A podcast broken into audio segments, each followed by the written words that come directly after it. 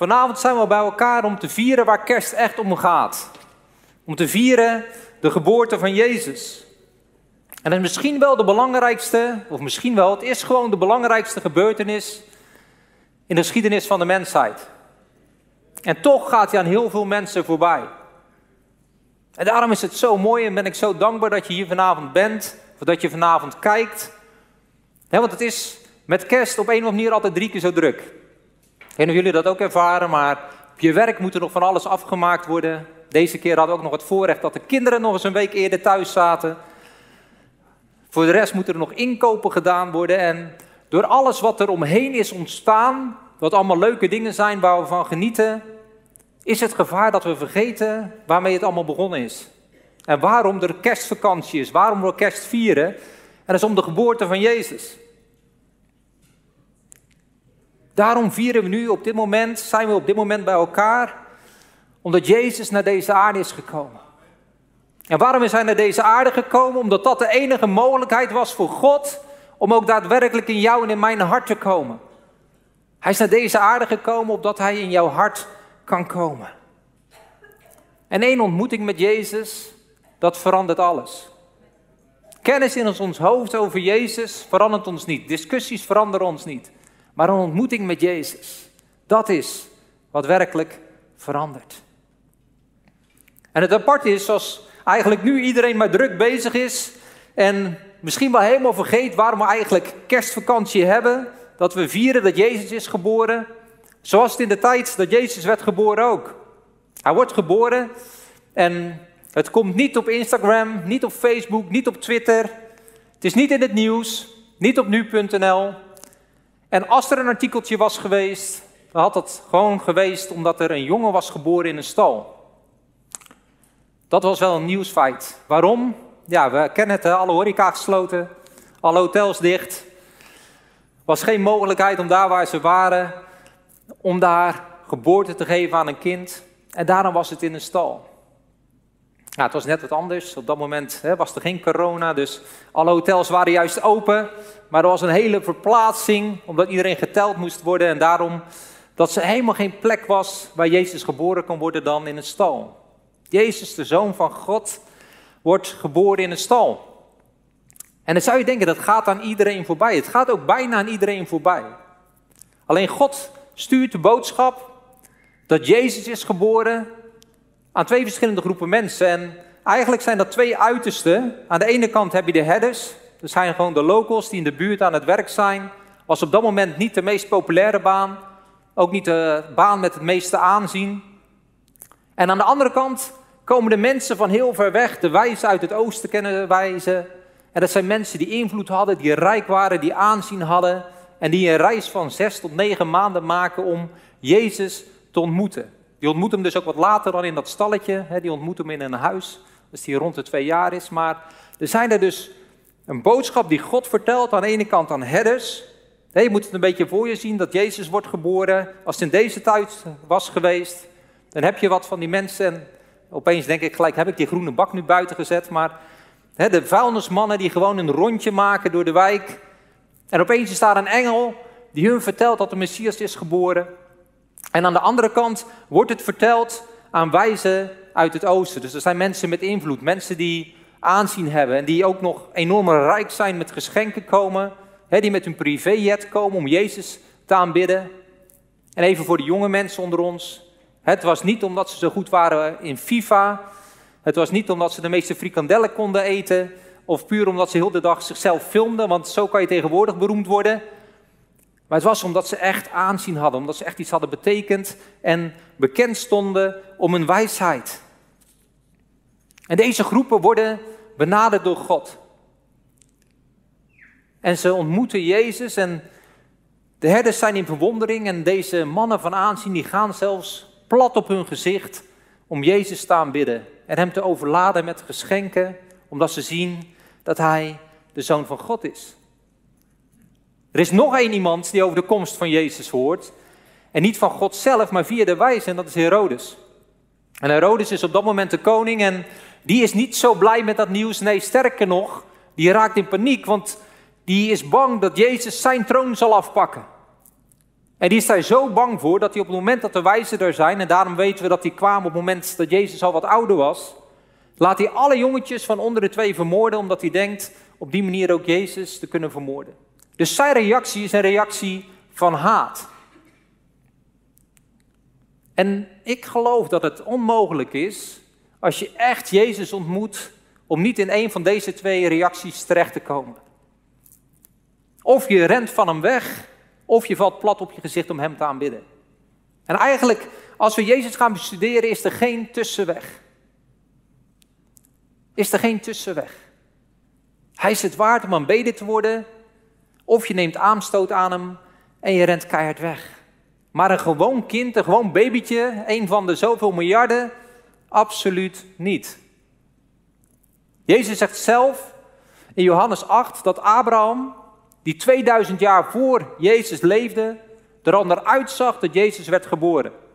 Jezus zegt, Abraham, uw vader, verheugde zich er sterk op dat hij mijn dag zou zien. En hij heeft die gezien en heeft zich verblijd. De komst van Jezus was cruciaal, niet alleen voor ons na Jezus, maar ook voor alle mensen die voor Jezus hadden geleefd. Abraham keek er al naar uit dat er een dag kwam dat Jezus kwam, dat de Messias kwam. Omdat hij ook wist dat zijn redding afhangt van de komst van Jezus. We hebben als mensen zo'n probleem met zonde, dat er maar één oplossing is. En dat geldt voor u en maar voor mij 2000 jaar na Jezus. En dat gold ook voor Abraham 2000 jaar voor Jezus. En wij zijn bevoorrechte mensen. Abraham die geloofde iets wat nog plaats moest gaan vinden. Wij geloven iets wat al is gebeurd. Waar we de Bijbel over hebben, waar het in staat, hoe het heeft plaatsgevonden, waaruit we kunnen spreken wat God bevestigt met wonderen en tekenen. Een boodschap van het evangelie. En Jezus' komst kan ook nu heel veel mensen onverschillig laten. Nou, vandaag, als je dit hoort of als je dit ziet, en je kijkt via de livestream, geloof ik dat er een keuze gemaakt moet gaan worden. Of je laat Jezus toe in je hart en je komt tot aanbidding. Of je moet hem wegduwen, je moet hem uit je denken, uit je voelen, uit je hart bannen, opdat je gewoon door kan gaan met je leven. En het thema wat we dit jaar hebben met kerst is To the Christ Max. En hoe ervaar je dat nu? Hoe ervaar je Jezus nu tot het maximale in je leven? Daar wil ik kort bij stilstaan. Ervaar jij op dit moment in je leven Jezus tot het maximale? Heeft zijn komst ook jouw leven veranderd en verandert het nog steeds op dit moment jouw leven? En er is één verhaal wat ik wil vertellen van Jezus. En dan gaan we spoelen een stukje door in de tijd. Jezus is op dat moment rond de 30 jaar. Hij gaat rond in Israël en hij verkondigt daar het boodschap van het evangelie. Hij geneest mensen, hij bevrijdt mensen. En dan in Johannes 9 staat er het verhaal van de blind geboren man. En dat is een verhaal van 41 versen, dus dat gaan we op deze kerstavond niet lezen. Ik zal het vertellen in mijn eigen woorden. Maar ik wil dat je gaat kijken naar de mensen die in dit verhaal voorkomen. En dat je je afvraagt op wie jij op dit moment lijkt.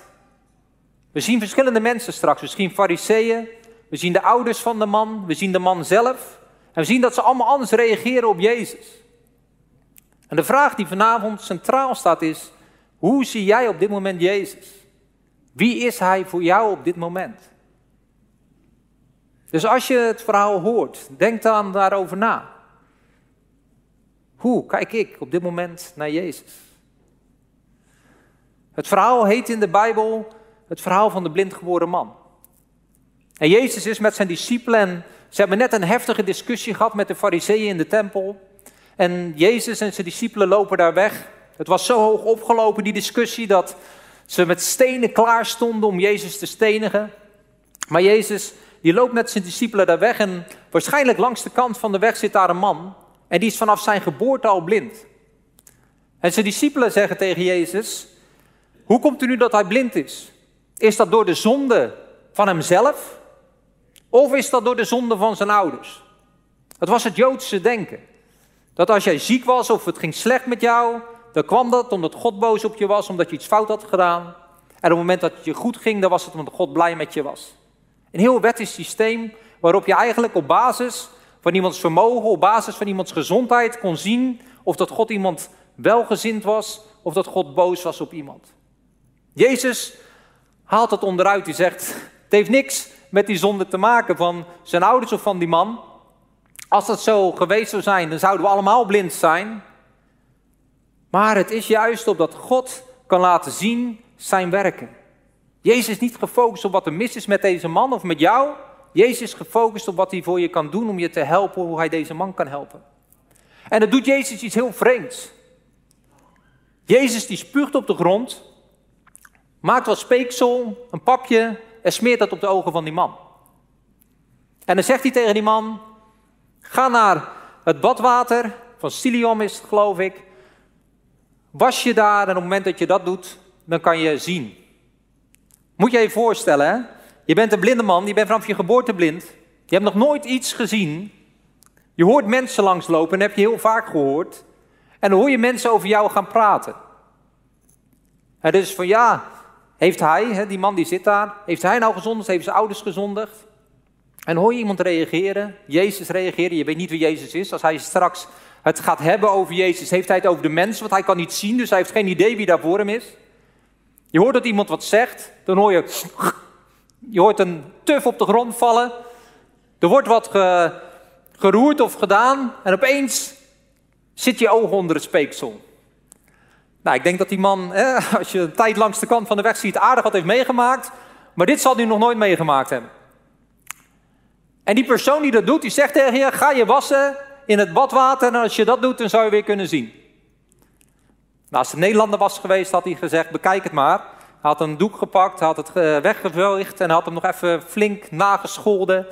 Hoe Jezus zo asociaal had kunnen zijn om dat met hem te doen. Maar deze man, die doet wat Jezus zegt en hij kan zien. Hoe het kan, kan het. Het is een wonder, maar hij kan zien.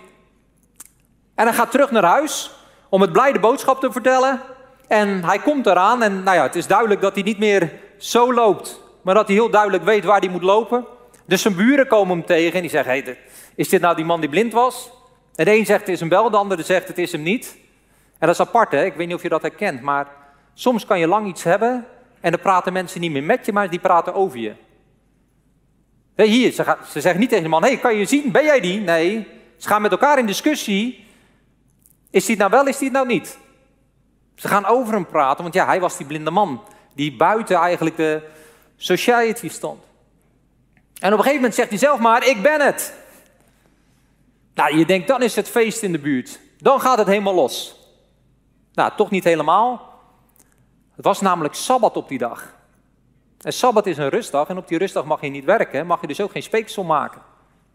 Heel belangrijk issue. Enorm belangrijk. Dus wat ze direct doen, ze nemen die man mee naar de fariseeën, waar Jezus net een discussie mee heeft gehad. En vertellen, hij, laten hem het verhaal vertellen aan de fariseeën. En die fariseeën, die gaan met elkaar in discussie, hoe kan dat nou? Dat kan niet, want het is Sabbat. En als iemand echt van God houdt, dan zou die dat nooit doen op Sabbat. En die raken eigenlijk een beetje boos. En die komen maar tot één conclusie van ja, hij moet liegen. Kan niet anders. Hij zegt wel dat hij ooit blind was, maar het is gewoon helemaal niet zo. Nou ja, wat gaan ze dan doen? Ze gaan op onderzoek uit en ze nodigen zijn ouders uit. Zijn ouders komen erbij. En zijn ouders die krijgen de vraag, is dit jullie zoon? Ja, dat is onze zoon. Is hij blind geboren? Ja, hij is blind geboren. Ja, hij kan nu zien, hij kan nu zien. Hoe kan dat? Nou, die ouders die houden zich er helemaal buiten, zeggen geen idee hoe het kan. Vraag hem maar aan mezelf, is oud genoeg. We weten alleen dat het onze zoon is en dat hij ooit blind was. En waarom deden die ouders dat? Omdat ze wisten dat de fariseeën zo'n hekel hadden aan Jezus. Dat op het moment dat ook maar ergens bleek dat jij voor Jezus uit zou komen, dan zou je gelijk verbannen worden. En dat wilden ze absoluut niet. Dus ze zeggen van, wij weten het niet, we weten niet wie die mens is, we weten niet precies wat er is gebeurd. Hij is oud genoeg, hij is volwassen, vraagt hem zelf. Dus de fariseeën vragen weer die man, die man komt weer terug en moet opnieuw het riedeltje gaan doen. En die man zegt, wat is er nu? Ik heb het verhaal al verteld, willen jullie nou zijn discipelen worden, wat willen jullie nu? Nou, dan worden ze helemaal boos dat hij ook maar de suggestie heeft dat zij Jezus zouden willen volgen. En er komt een enorme discussie. En ze vragen die man, wie denk jij nou dat Jezus is? Hij zegt, ja, ik denk dat het een profeet is. Want ja, als ik blind ben omdat ik zondig heb en iemand die geneest, dan moet het iemand zijn van wie God heel veel houdt. Uiteinde van de discussie is dat die man de synagoge uit wordt geworpen. En straks pak het laatste stukje van het verhaal op, maar we zien hier dat Jezus iets doet en hij doet iets goed. Hij geneest iemand. Dat is hoe God is. God is goed. Maar Jezus doet dat op een sabbat en dat past niet in het Joodse geloof. Dat past niet in hoe het moet. En het bizarre is, en dat zie je ook bij de discipelen, misschien heb je dat vandaag ook, dat je denkt dat als iets slecht gaat, of dat het jou slecht gaat, dat het per definitie iets met jou te maken heeft. De discipelen vragen aan Jezus, en ja, ik vind het te bizar voor woorden, heeft deze gezondigd of zijn ouders? Hij is vanaf zijn geboorte blind. Dat betekent dat hij ergens in zijn buik van zijn moeder dan zou moeten hebben gezondigd. Nou, ik kan maar één ding bedenken en dat is dat hij gewoon veel hard heeft getrapt tegen de buik van zijn moeder. Een andere zonde kan ik niet bedenken. Het enige wat hij kon was spartelen in die buik van zijn moeder. Maar is het aparte, vanuit dat geloof, vanuit dat het daar moet, kan je, komen ze helemaal vast te zitten in wie zijn schuld is het nu. En Jezus maakt de korte metten mee en wat ik net ook al zei, en dat laat dat tot je doordringen. Als alles wat je zou overkomen je eigen schuld zou zijn, dan kom je in het kastensysteem. Dan zouden wij allemaal blind moeten zijn. Niemand van ons is zo rechtvaardig dat hij ook maar iets goeds verdient wat ons toekomt. Het is puur genade. Dus kijk alsjeblieft niet neer op jezelf, kijk niet neer op andere mensen op het moment dat er dingen tegenzitten.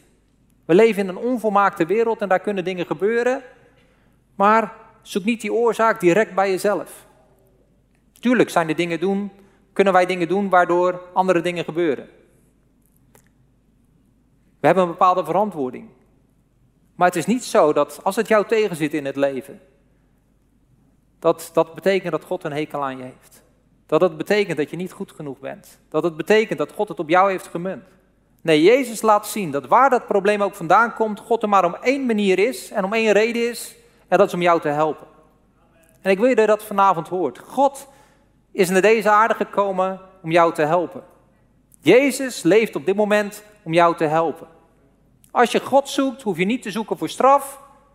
Kan je Hem zoeken omdat je hulp van Hem mag verwachten.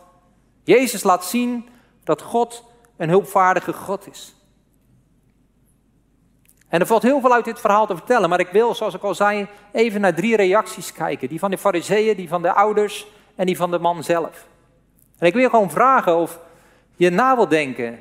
Hoe kijk jij naar Jezus? Hoe kijk jij naar God? Is het misschien zoals de fariseeën? Die zijn niet blij met Jezus, die zijn boos op Jezus. Hij geneest op een Sabbat, dat mag niet. En misschien kijk je of ben je hier vandaag en ben je ook boos op God. Misschien ben je wel enorm teleurgesteld in christenen of ben je teleurgesteld in de kerk. En automatisch daardoor ben je ook boos op God. Of misschien ben je wel boos op God omdat je had gedacht dat hij dit voor je zou doen of dat voor je zou doen. En toch zit je in een situatie die je niet kan verklaren. Je hebt altijd gehoord dat God goed is. Hoe kan het dan? En er is boosheid in je hart naar God. De fariseeën waren ook boos op Jezus. En ik zeg je dat ik niet alles begrijp, dat ik niet alles weet. Dat ik geen antwoord heb voor alles, maar dat ik één ding weet. En dat is dat Jezus groter is dan jouw teleurstelling. En dat Hij in je situatie wil komen. En dat Hij een eeuwig leven voor je heeft. Waar nooit meer pijn is, waar nooit meer ziekte is, waar nooit meer moeite is. Hij is het eeuwige leven. En de Bijbel zegt dat op een dag elke knie zal beleiden dat Jezus Heer is. En de uitnodiging aan jou vandaag is om je boosheid in te leveren bij het wiegje van Jezus. Of bij het kruis. En tot Hem te komen. Want wat je het hardste nodig hebt, is God zelf. Lever je boosheid in. En ontvang Zijn liefde, Zijn genezing. Jezus belooft dat Hij vergeeft. Wat je in je boosheid ook hebt gedaan. wat je ook hebt gerebelleerd naar God toe. Jezus zegt, en wie een woord spreekt tegen de zoon des mensen, het zal hem vergeven worden. Paulus is daar het mooiste voorbeeld van. Paulus was een christenvervolger. Hij martelde christenen, liet ze in de gevangenis werpen. Hij vermoorde zelfs, stond hij erachter dat christenen werden vermoord. Maar één ontmoeting met Jezus. Eén ontmoeting met Jezus. En van boosheid, van achtervolging, ging hij over tot aanbidding van Jezus. En als je boos bent op Jezus, dan is vandaag daar zijn uitgestoken hand. Zeg ik vergeef je. Leef je boosheid in bij mij. God is niet bang van jouw boosheid. Jezus kan het aan als je eerlijk zegt, ik snap dit niet, ik snap dit niet. Maar hij wil je helpen, hij wil je troosten. Of lijk je misschien op de ouders? De ouders zijn mensen wie hun kind is gered door Jezus. Maar ook zij komen niet tot een Christ to the max ervaring. Zij komen niet tot overgaan. Nee, op het moment dat het ze merken dat het ze iets zou kosten als ze uit zouden komen, dat deze man misschien wel goed is. Dan weten ze, dan zullen we verbannen worden en dat vinden ze de moeite niet waard. En daarom laat ze het maar een beetje aan zich voorbij gaan. En misschien jij ook vanavond.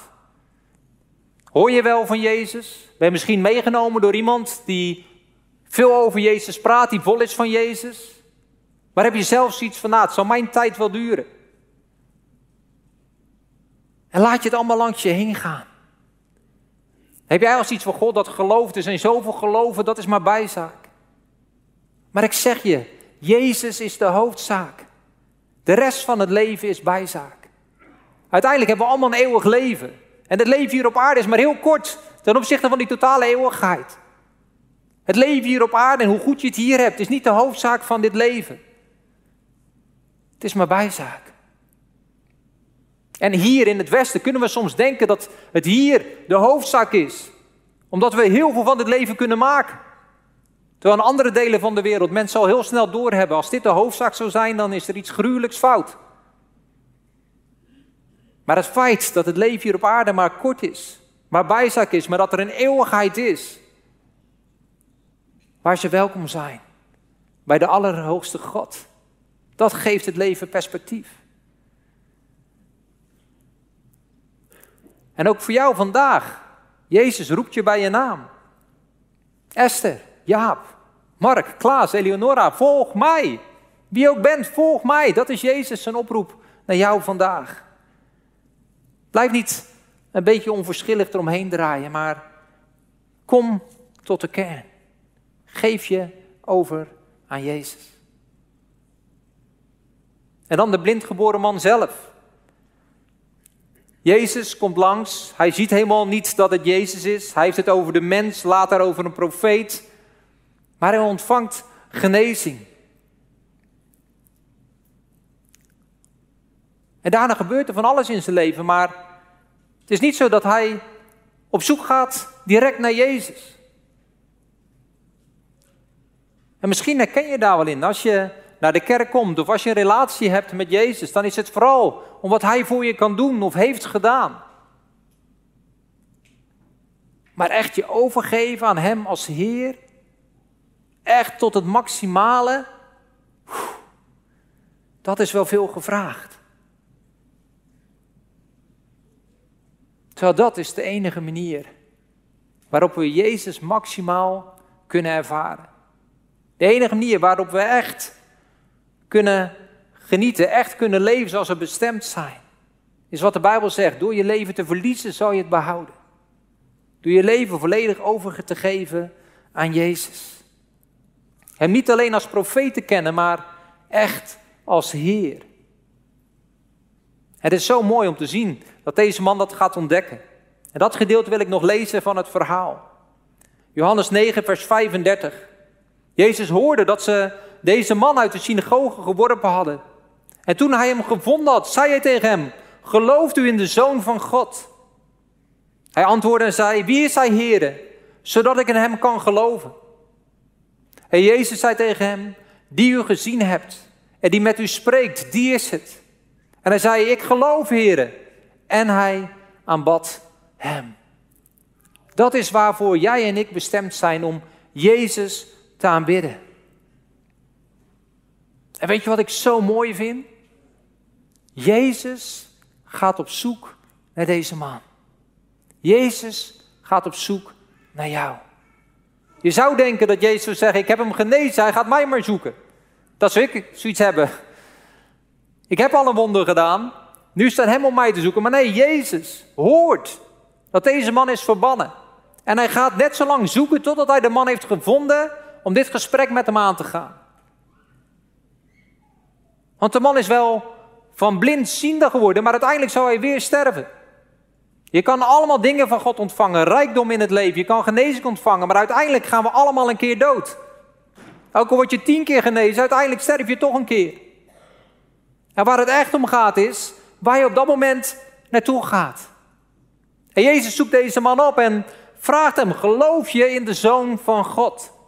Geloof je in Jezus de Christus? En dat is de enige vraag in het leven die er echt toe doet.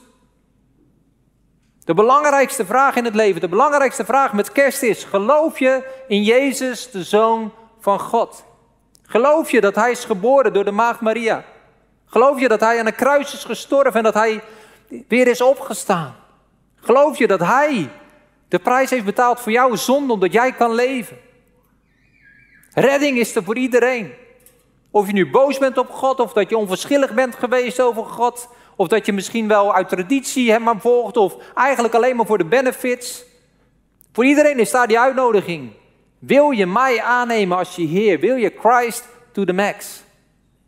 Wil je het maximale van Jezus? Dan is er maar één manier en dat is je leven overgeven aan Hem. En het aparte is, wat ik zelf heb ervaren. Soms is het een worsteling om tot overgave te komen, maar er is niets fijner en vrijer dan je overgeven aan Jezus. Het in Zijn handen te leggen. Hem te vertrouwen, Hem te eren. En ik wil je allemaal vragen om een moment je hoofd te buigen en je ogen te sluiten. En nogmaals, die vraag door je hoofd te laten gaan. Hoe kijk ik op dit moment naar Jezus? Wat is op dit moment mijn relatie met Jezus? Ben ik boos op Hem? Laat Hij me onverschillig? Volg ik Hem voor de benefits? Of is Hij werkelijk mijn Heer? Hoe jij Jezus ziet, dat bepaalt in hoeverre je, Hem gaat ervaren in je leven. En tot welke conclusie je net ook bent gekomen. Ik ben hier vanavond om je te zeggen dat Jezus je opzoekt zoals hij die man opzocht. Om je de ene vraag te stellen. Geloof je in de Zoon des Mensen? Geloof je in Jezus als je Heer en Heiland? Wil je je leven echt overgeven aan Hij? Niet een klein beetje, niet alleen voor de voordelen, maar wil je mij echt erkennen als Heer? En het maakt niet uit of je tot dit moment hebt geleefd als fariseer, als die ouder of als die blindgeboren man. Het gaat er alleen om welke keuze je op dit moment maakt. De Bijbel zegt dat het moment dat je de keuze maakt om Hem te erkennen als Heer, in je hart tot die conclusie komt en dat met je mond beleidt, dat je gered zal worden. Dat je eeuwig leven zal ervaren. En eeuwig leven zal hebben. En dat niemand, maar ook niemand, het je af zou kunnen nemen. Ik had gisteren nog een gesprek met iemand en die vroeg: Hoe zeker weet je dat je naar de hemel gaat? Ik zeg: Ik weet het duizend procent zeker. Omdat ik niet over Jezus heb gehoord, maar omdat ik hem heb ontmoet. En je kunt Jezus ontmoeten vandaag. ik wil gewoon vragen, als je op dit moment die keuze wil maken, om Hem te erkennen als Heer over je leven. Om gewoon een moment op je plek te gaan staan. En daarmee te zeggen, Jezus, ondanks mijn boosheid wil ik ervoor kiezen om u te aanbidden. Jezus, ondanks dat ik zo druk ben met al die bijzaken, wil ik op dit moment kiezen om uw hoofdzaak te maken. Jezus, tot nu toe volgde ik u vooral om wat u voor me deed, maar vanaf vandaag wil ik u echt erkennen als Heer en mag het me ook iets kosten. Als je vanavond die keuze wil maken, wil ik je gewoon vragen, een moment op je plek te gaan staan en daarmee aan te geven, Jezus, hier ben ik. Jezus, ik geef me over. Jezus, wees mijn Heer. Ik wil nog één keer zeggen, ga gewoon staan op je plaats. Het kan heel spannend zijn, je kan het mensen naar je kijken, maar door dat te doen, zal je merken dat het bevrijdend werkt. De Bijbel zegt, wie zijn leven zal verliezen, zal het behouden. Het voelt misschien als je leven verliezen door opeens te gaan staan. Maar je zal merken dat daardoor zijn leven gaat stromen.